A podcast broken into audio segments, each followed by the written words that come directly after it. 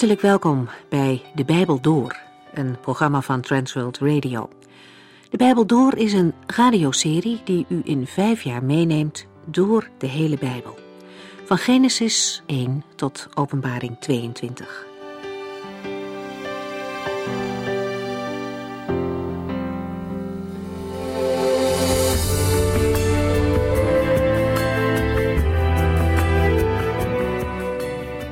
In deze serie De Bijbel Door zitten we midden in de geschiedenis van Gideon. In deze man wordt heel duidelijk zichtbaar dat de kracht van de Heere God juist in zwakheid openbaar wordt. Gideon was uit zichzelf geen heldhaftig iemand, maar de Heere heeft hem toch uitgekozen. En in de kracht van God kan Gideon geweldige dingen doen. Paulus schrijft later in het Nieuwe Testament dat wij een schat in een aarde vat hebben zodat de kracht die alles te boven gaat van God is en niet van ons. Gideon wil heel zeker weten dat hij doet wat God van hem vraagt. En verschillende keren vraagt hij daarom ook om een bevestiging. En die krijgt hij ook. Vervolgens stelt hij een leger samen van 32.000 man. Maar de Heer vindt dat een veel te groot leger. Het moet voor iedereen duidelijk worden dat God zelf aan het werk is. Dus worden de meeste mannen teruggestuurd. Er blijven er uiteindelijk 300 over. S'nachts geeft de Heere Gideon opdracht om aan te vallen. God heeft de vijand in zijn macht gegeven. Maar hoewel Gideon, anders dan voorheen, zijn twijfels niet heeft uitgesproken, ziet de Heere zijn twijfels wel. En hij geeft ongevraagd de bevestiging die Gideon zo nodig heeft. Gideon mag, als hij bang is, eerst een gesprek in de legerplaats afluisteren. Dan zal hij zeker weten dat de Heere met hem is. Zo ontwikkelt Gideon zich gaandeweg als een moedig en verstandig leider. In Gods kracht verslaat hij de vijand. En waar interne conflicten dreigen in Israël, weet Gideon die met wijsheid op te lossen. Hij zocht niet zelf naar die grote taak, maar toen de Heere hem riep, was hij bereid om een onbekende toekomst in te gaan en terug te keren naar de Heer.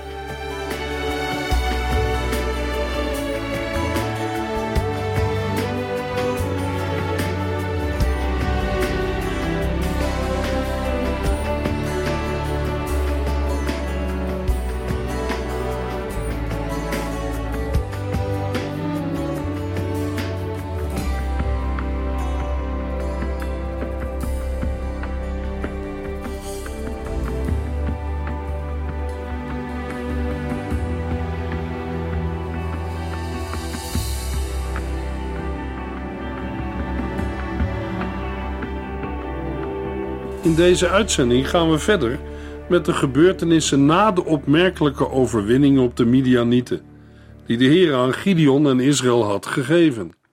Aan het slot van rechter 7 hebben we gelezen dat Gideon wil voorkomen dat de Midianieten over de Jordaan zullen wegvluchten.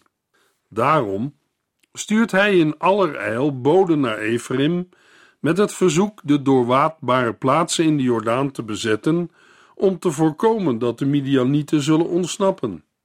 Ephraim, die deze strategie al eerder met succes heeft toegepast, geeft gehoor aan Gideons verzoek.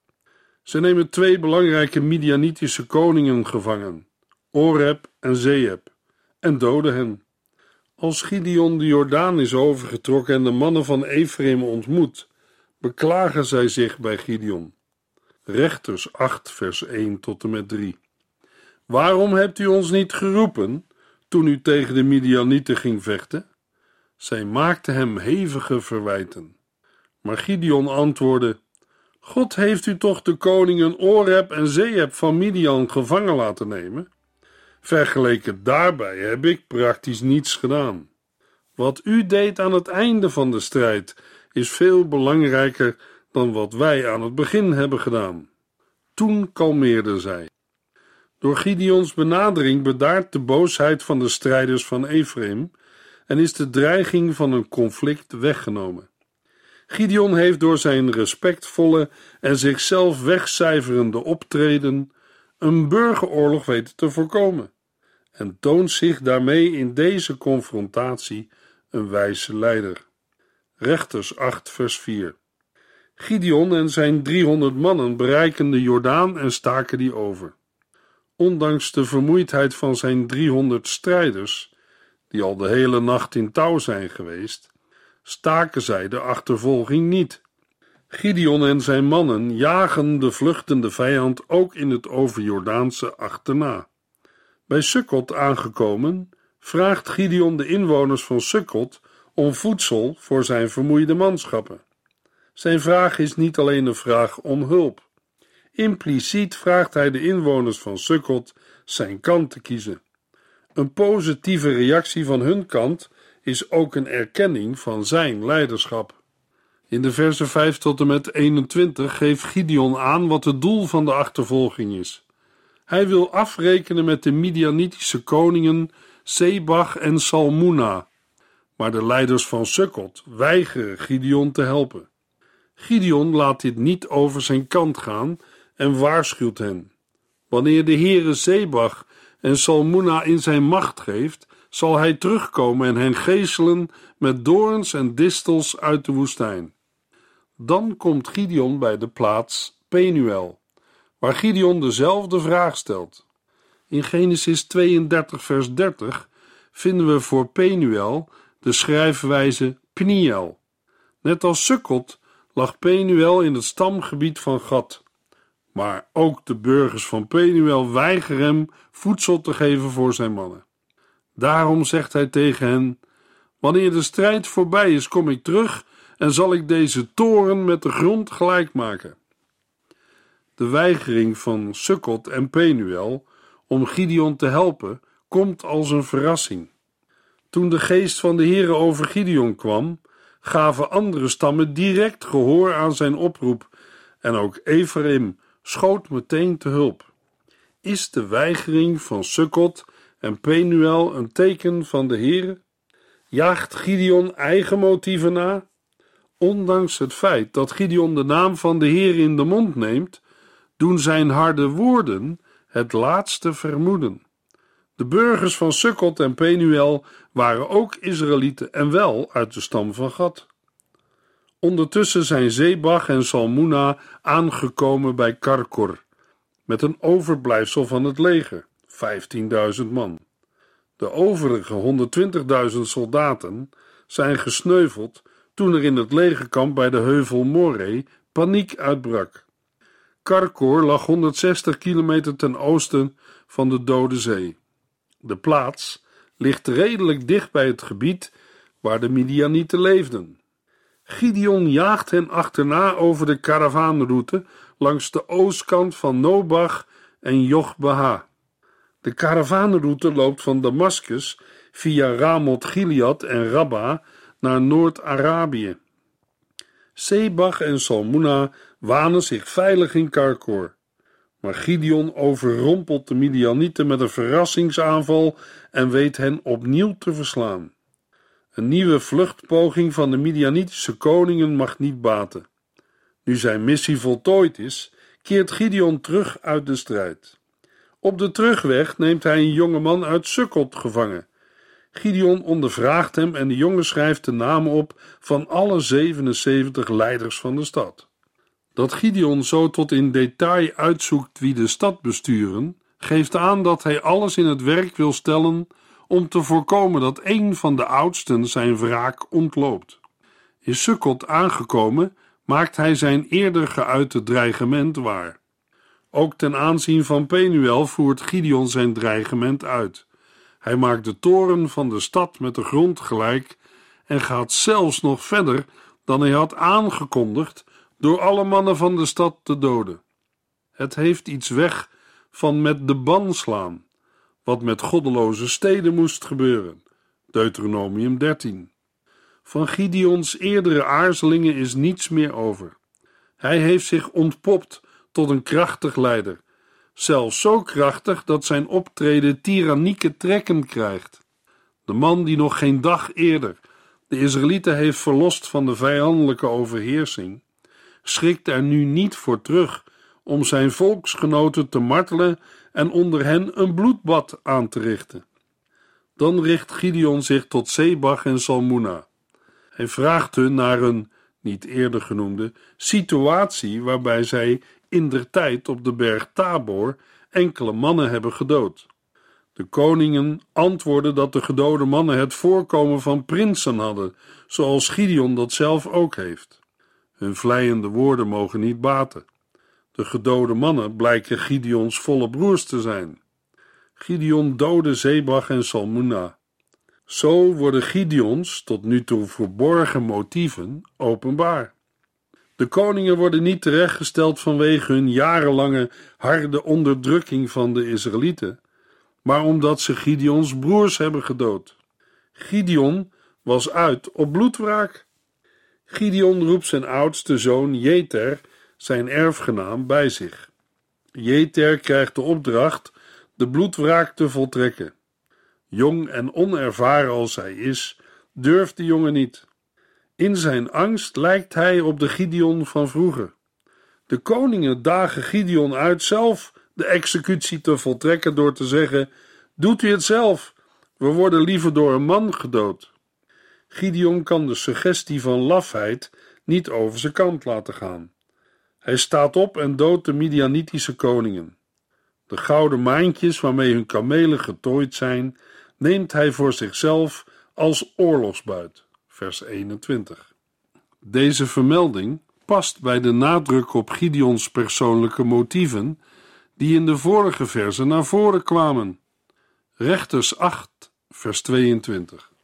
De Israëlieten zeiden tegen Gideon: U moet onze leider worden. U en uw nageslacht moeten over ons regeren, want u hebt ons verlost uit de overheersing van de Midianieten. In dit vers vinden we de eerste aanduiding dat de Israëlieten een koning willen hebben die over hen regeert. De Heer had hen vroeger gezegd dat hij dat niet wilde. Hij was hun koning. Gideon wijst het aanbod van de hand met als argument dat de heerschappij over Israël alleen aan de Heere toekomt. De Heere is uw leidsman. Vers 23. Later zullen we zien dat Israël opnieuw om een koning vraagt. Dan zegt de Heere tegen de profeet Samuel, die de laatste van de rechters was, dat hij een koning voor het volk moet gaan zalven. Israël had de Heer als hun koning verworpen. Luisteraar, ik zou de geschiedenis van Gideon graag met vers 23 willen afsluiten, maar dat kan niet. Omdat de Bijbel aan het slot van Rechters 8 nog een aantal andere dingen over Gideon vertelt. Het is prachtig dat hij zegt: De Heere is uw leidsman. Maar in de versen 24 tot en met 32 lezen we een aantal dingen die voor mensen een valkuil zijn. In vers 24 vraagt Gideon van alle strijders één gouden ring. Daarmee vraagt Gideon wel de privileges van een koning voor zichzelf. Zonder aarzelen geven de Israëlieten gehoor aan zijn verzoek. Het totaalgewicht van de gouden ringen bedroeg ruim 18 kilo. Van de oorringen maakt Gideon een efot en hij plaatst deze in zijn woonplaats Ofra. Een efot staat elders in de Bijbel voor een nauwsluitend kleed waaraan het borstschild van de hoge priester is bevestigd. Dezelfde Gideon die eerder op last van de Heere korte metten maakte met de Canaanitische goden, introduceert nu een vorm van verering van de Heere naar Canaanitisch voorbeeld en overtreedt daarmee het tweede gebod. Gideons handelwijze herinnert aan die van Aaron toen Mozes op de berg Sinai verbleef. Ook Aaron vroeg het volk hun gouden oorringen te geven, Exodus 32, en smolt er een godenbeeld van. De vermelding dat de Midianieten definitief verslagen zijn en dat het land veertig jaar rust heeft, is de standaardafsluiting waarmee ook de andere richterverhalen worden afgesloten. Daarbij valt op dat in vergelijking met de andere richters of rechters de vermelding dat Gideon Israël richtte ontbreekt. Het onderstreept het dubbele van en de wisselingen in het leiderschap van Gideon. Rechters 8, vers 29 tot en met 31. Gideon ging naar huis terug en kreeg in de loop van de tijd 70 zonen. Hij had veel vrouwen en ook een bijvrouw die in Sichem woonde. Zij schonk hem een zoon die de naam Abimelech kreeg. Gideon neemt een grote harem, zoals de koningen in zijn dagen die hadden, en bij zijn vrouwen verwekt hij vele zonen. Een van zijn bijvrouwen woont in het nabijgelegen Sichem, een Canaanitische stad. Bij deze bijvrouw krijgt hij een zoon die hij Abimelech noemt. Dat betekent: Mijn vader is koning. Gideon voldoet niet aan de maatstaven die de Heer aan een koning stelt.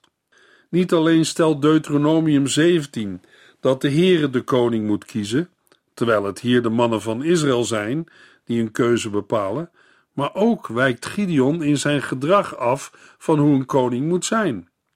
De ideale koning vraagt juist niet om veel zilver en goud en heeft juist niet veel vrouwen. Dat in elk geval een van die vrouwen afkomstig is uit de Canaanieten, gaat regelrecht in tegen Gods geboden. Gideon sterft in hoge ouderdom en wordt begraven in het graf van zijn familie in Ofra. Na Gideons dood vervallen de Israëlieten opnieuw in afgoderij. Zo vergeten zij de Heere, die een verbond met hen heeft gesloten en die hen uit de macht van de vijand heeft verlost. Ook denken zij niet meer aan het goede dat Gideon de Israëlieten heeft gebracht. Vers 33 tot en met 35. Rechters 9, vers 1 tot en met 4. Op een dag ging Gideons zoon Abimelech op bezoek bij zijn ooms van moederskant in Sichem. Wilt u met de burgers van Sichem gaan praten? vroeg hij hun, en hun vragen wat zij beter vinden: dat ze door alle zeventig zonen van Gideon zullen worden geregeerd, of slechts door één man, dat wil zeggen door mij, iemand van uw eigen vlees en bloed.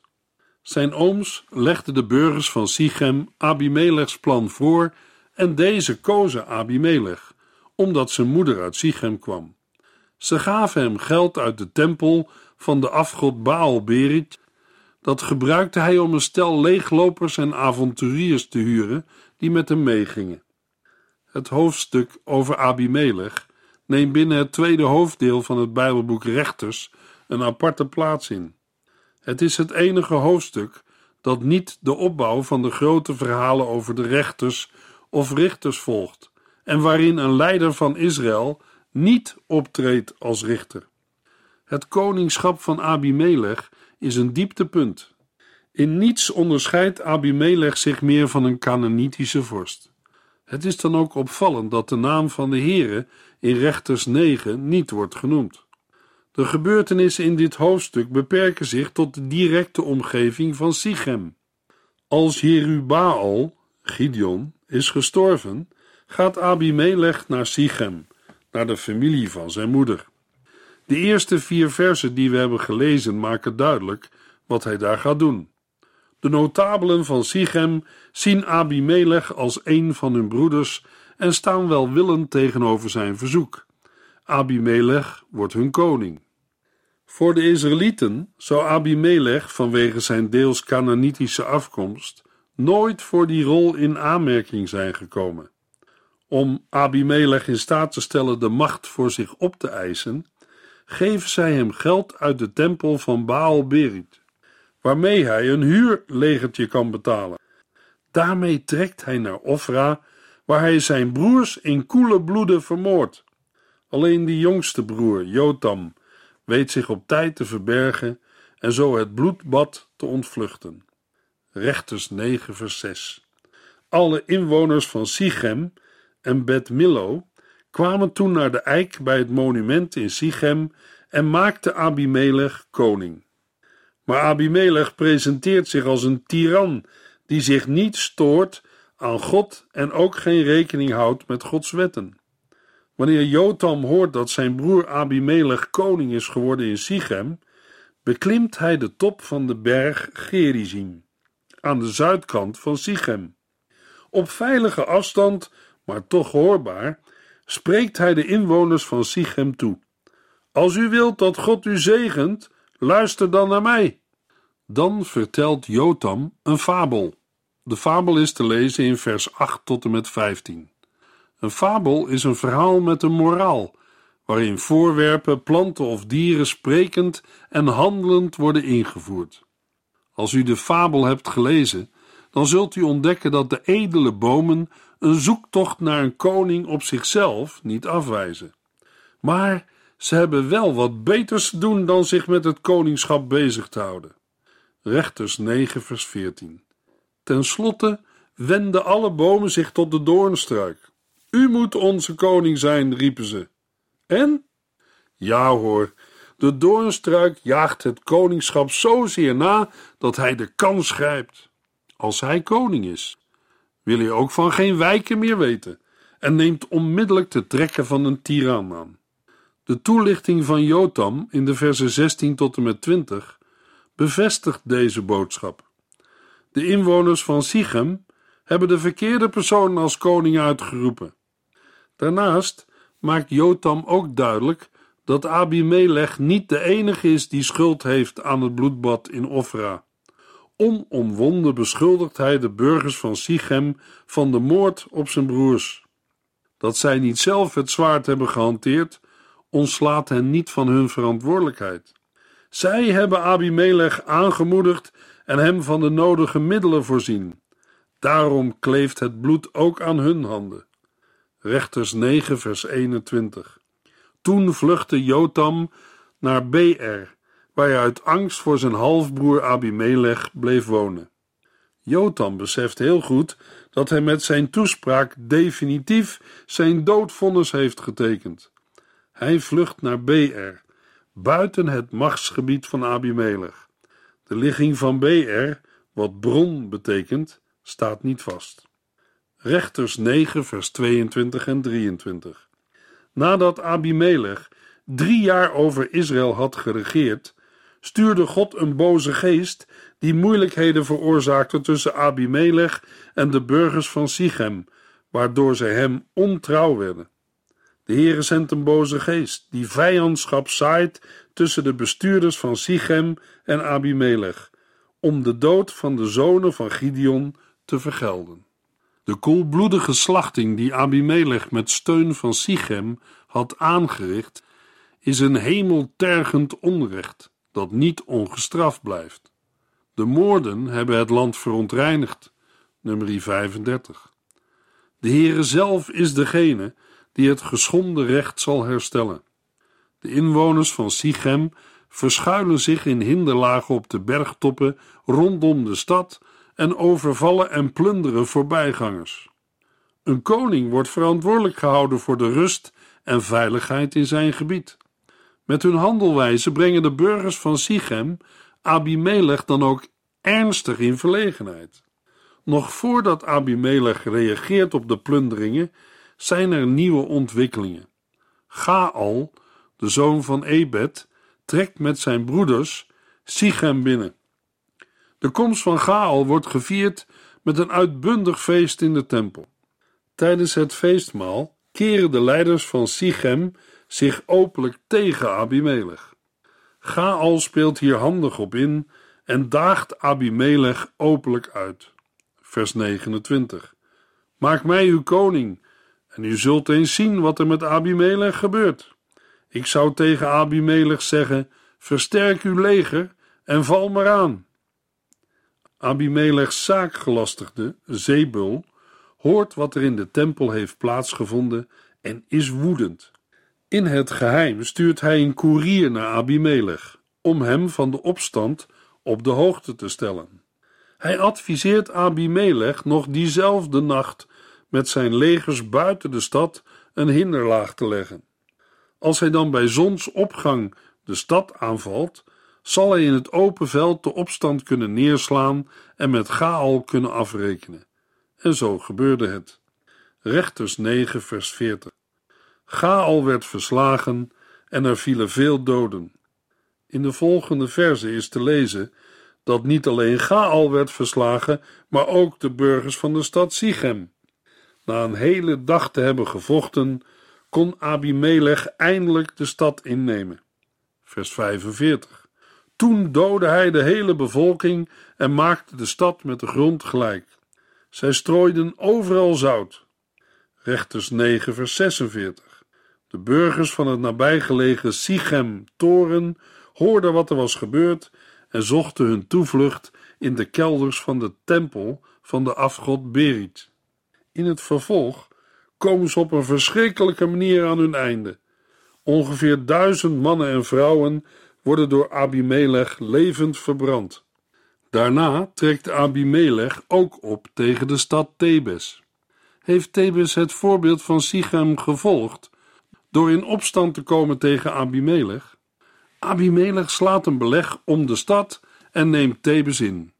Als hij de stad binnendringt, vluchten de inwoners naar de sterke verdedigingstoren die in het midden van de stad staat, vers 51.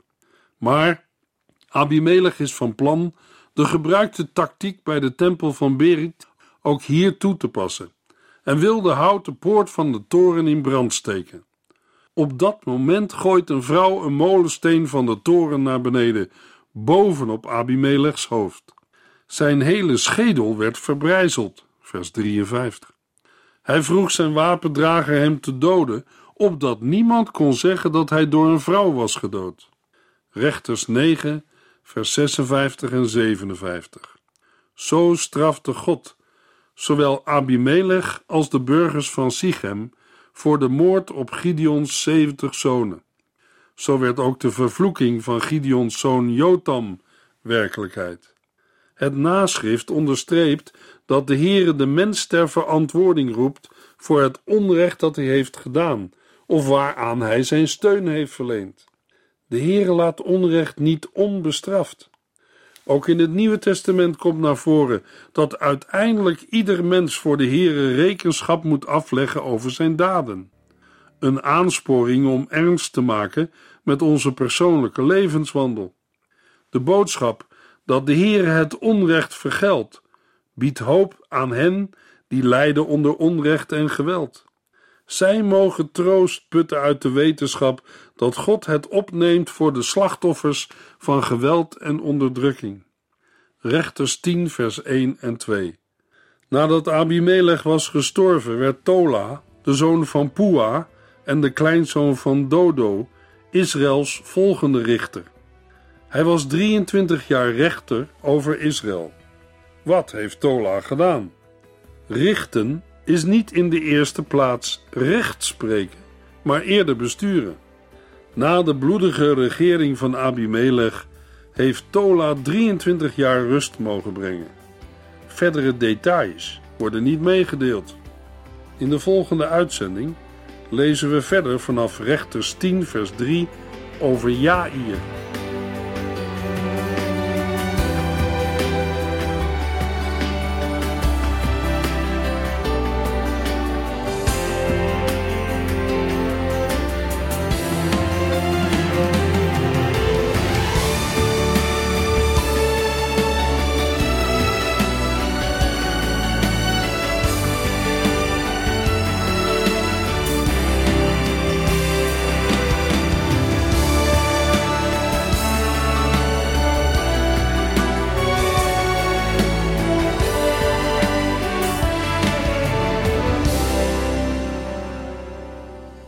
Geluisterd naar De Bijbel Door.